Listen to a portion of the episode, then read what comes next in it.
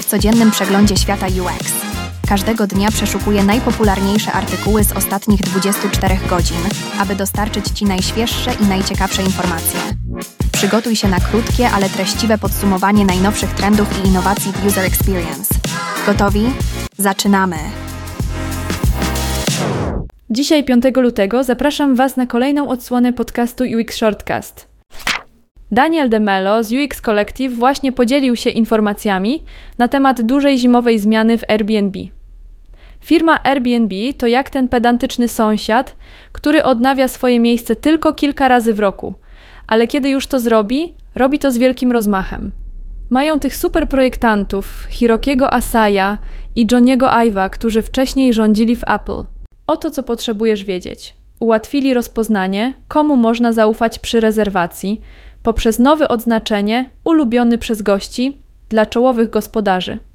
Ponadto uporządkowali aplikację, więc gospodarze mogą zarządzać swoimi ofertami bez problemów, co powinno oznaczać dla nich więcej gotówki. Następnie mówią o pożegnaniu się z płaskim, nudnym projektem. Pomyśl o większej ilości kolorów, tekstur i odrobiny głębi, tak jakbyśmy przenieśli odrobinę natury na nasze ekrany. Na koniec używają sztucznej inteligencji do sortowania zdjęć, co sprawia, że oferty wyglądają lepiej bez większego wysiłku.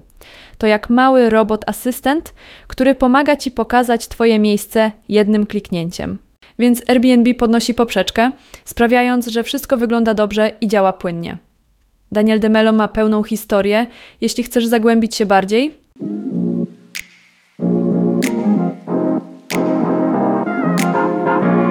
W artykule Twoi użytkownicy nie są Twoimi przyjaciółmi.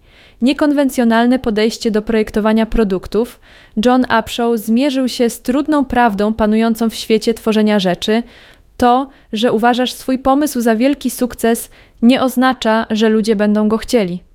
Upshaw nauczył się na własnych błędach, że dobry produkt to nie tylko fajny pomysł, to także solidny plan na zarabianie pieniędzy i myślenie na szeroką skalę.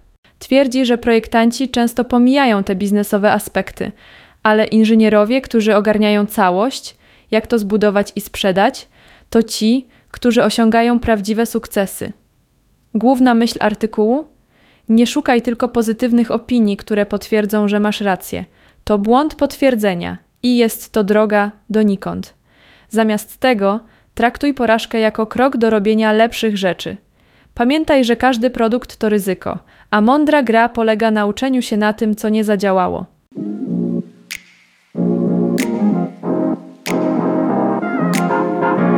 W artykule Przyszłość ładowania UX pojazdów elektrycznych autorstwa Pierluigiego Rufo główny punkt to uczynienie ładowania samochodów elektrycznych super prostym i dostępnym wszędzie, jak podłączanie lampy.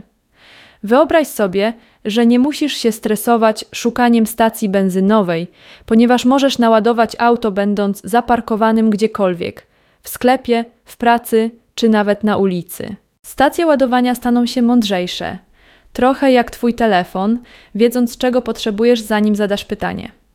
Wyobraź sobie system Twojego samochodu wybierający najlepsze punkty ładowania podczas podróży, nawet takie, które mają jedzenie czy plac zabaw dla dzieci. Do tego będzie to tak proste jak używanie Apple Pay przy kasie. Po prostu podłącz i ładuj, bez zbędnych problemów czy skomplikowanych kroków. A jeśli pojawi się problem, Twój samochód lub telefon powiedzą Ci, co masz zrobić. Łatwizna. Na koniec, ładowanie Twojego samochodu będzie częścią większego planu utrzymania świateł włączonych bez przeciążania sieci energetycznej, z cenami zmieniającymi się jak taryfy Ubera, aby zaproponować Ci najlepszą ofertę. Chodzi o to, aby przyszłość ładowania pojazdu była oczywistością, ułatwiając życie w drodze.